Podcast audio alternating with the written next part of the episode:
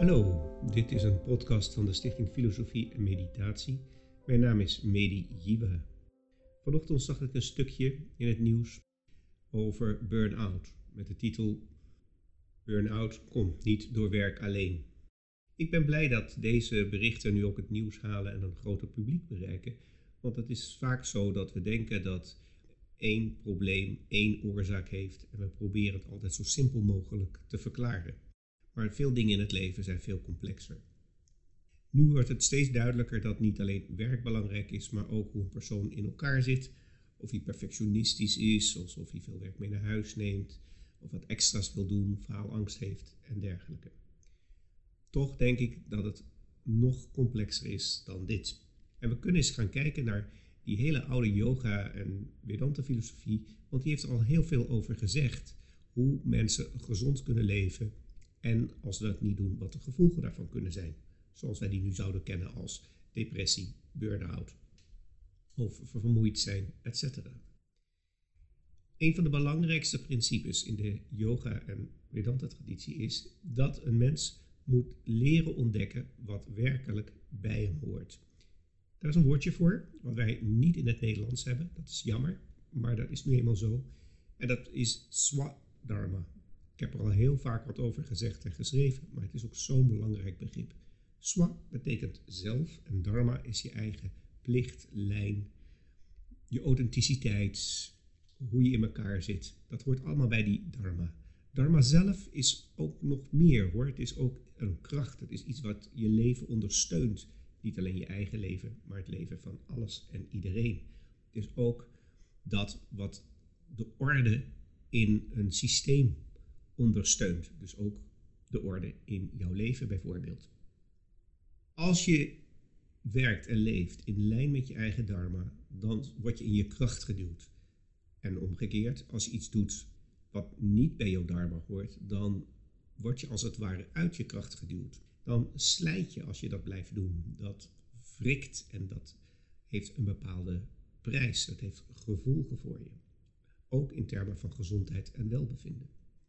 Het is dus ontzettend belangrijk om die eigen dharma te leren kennen. En als je echt weet wat bij je hoort, waar je passie ligt, waar je helemaal happy bent, dan zul je merken dat het werk dat erbij hoort misschien veel is, maar het voelt licht en je wordt er blij van, want het is iets wat je heel erg leuk en belangrijk vindt.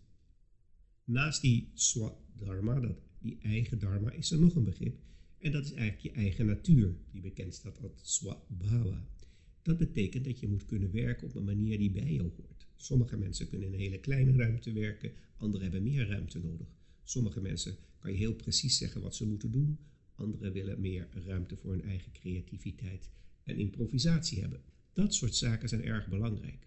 Als je in een werkomgeving bent waar mensen heel anders werken, een heel andere cultuur hebben dan die bij jou hoort, dan opnieuw kan je slijten en klachten krijgen. Die cultuurcomponent in werksituaties, maar ook in je privésituaties, is een hele complexe. Dat weten we ook vanuit het management.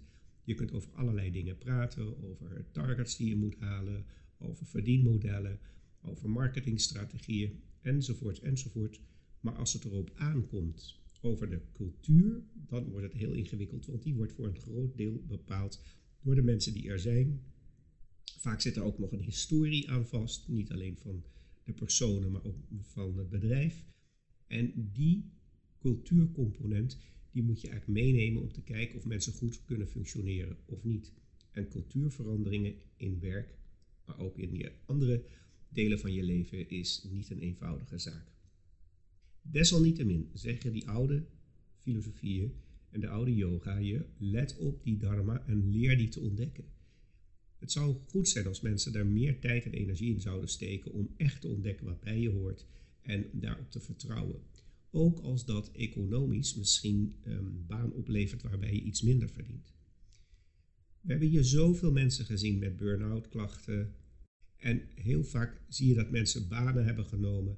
Of omdat ze voorhanden waren, of omdat dat meer geld zou verdienen dan een vorige baan. Zonder rekening te houden met, past dit nou echt bij mij, dit werk? En deze verantwoordelijkheid?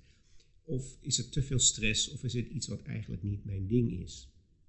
We zouden er beter naar moeten kijken en ik ben ervan overtuigd dat we daar heel wat gezondheidsklachten mee zouden kunnen voorkomen.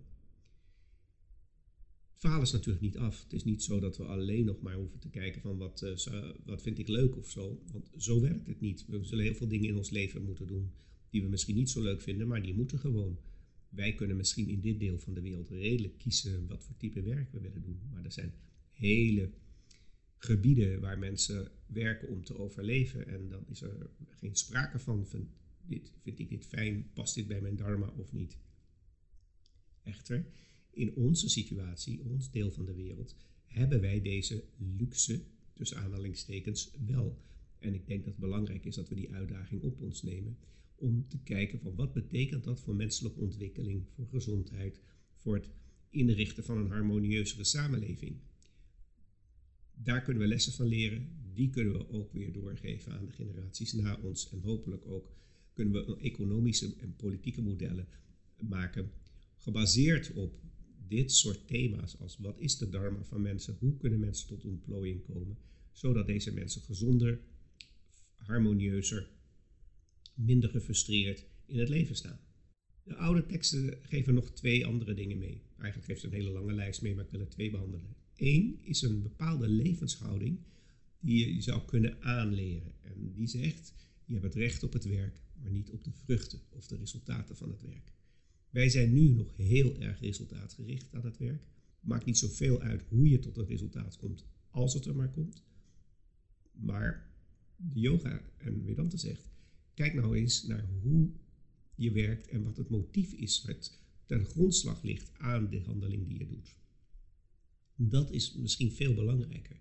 Als je iets doet, om maar een voorbeeld te geven wat heel modern is, zoveel mogelijk winst wil behalen, of je doet iets omdat het voor het welzijn van mensen is, maakt een wereld van verschil.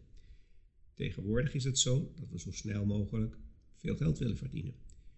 En winstmaximalisatie is een normaal woord en heel wat economen vinden dat goed. Dat die winstmaximalisatie ten koste kan gaan van het welzijn van heel veel mensen, is schijnbaar economisch minder interessant. Gaat met name uiteindelijk om het resultaat en wat de aandeelhouder ervan vindt. Ik denk niet dat het een gezonde eh, ontwikkeling is. Ik denk ook dat dit een heel eh, probleem is in onze samenleving waar we nou, voorlopig nog wel aan vastzitten. Maar als we meer zouden kijken naar de motieven waarmee we werken, waarom we dingen doen of dingen niet doen, dan zouden we daar veel van kunnen leren en zouden we ook veel rustiger kunnen blijven in onszelf en veel meer onze eigen waardes en eigen natuur volgen, dan dat we ons laten leiden door het resultaat en de output. Dan tot slot het derde deel wat deze filosofie ons meegeeft. En dat is dat je ook goed moet kijken, niet alleen aan wat je doet, maar ook wat je niet doet. Handelingen, actie die we doen, leidt tot een bepaald resultaat. Maar wat we vaak vergeten is dat iets niet doen ook tot resultaten leidt. Door iets niet op te pakken, kan dat ook gevolgen hebben die zowel positief als negatief zijn. Je kunt dingen wel zeggen, je kunt dingen niet zeggen, wel doen, niet doen. Vanuit de yoga en de Vedanta filosofie zijn deze twee gelijkwaardig. Handelen en niet handelen horen allebei in het spectrum van handelingen.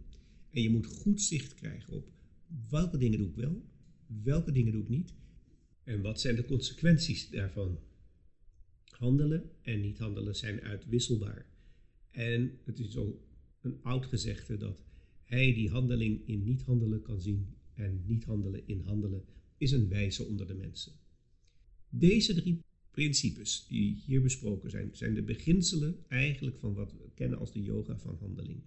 Maar zijn bijzonder nuttig en zijn eenvoudig te leren en toe te passen in je leven en hebben grote gevolgen ten aanzien van je balans, je energiehuishouding en ook aan het plezier van de dingen die je doet en niet doet. En het zal je niet verbazen, dat draagt natuurlijk bij aan een betere gezondheid.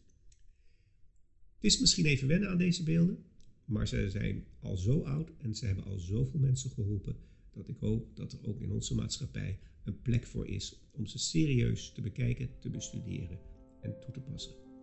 Dankjewel voor jullie aandacht en tot de volgende keer.